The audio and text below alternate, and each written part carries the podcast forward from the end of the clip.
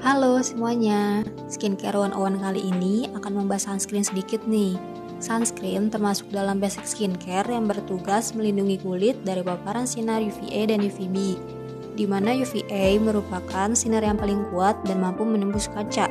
Bahkan dapat mencapai lapisan tengah kulit yaitu lapisan dermis yang dapat menyebabkan noda hitam, keriput, bahkan kanker pada kulit.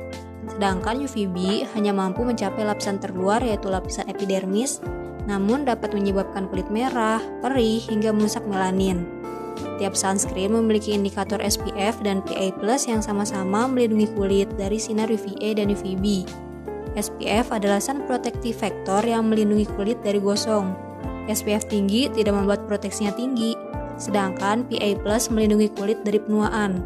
Semakin tinggi plusnya, semakin tinggi proteksinya. Jangan lupa reapply tiap 3-4 jam sekali ya. Dan waktu kita bahas sunscreen lebih lanjut. This is Pau Pau Podcast.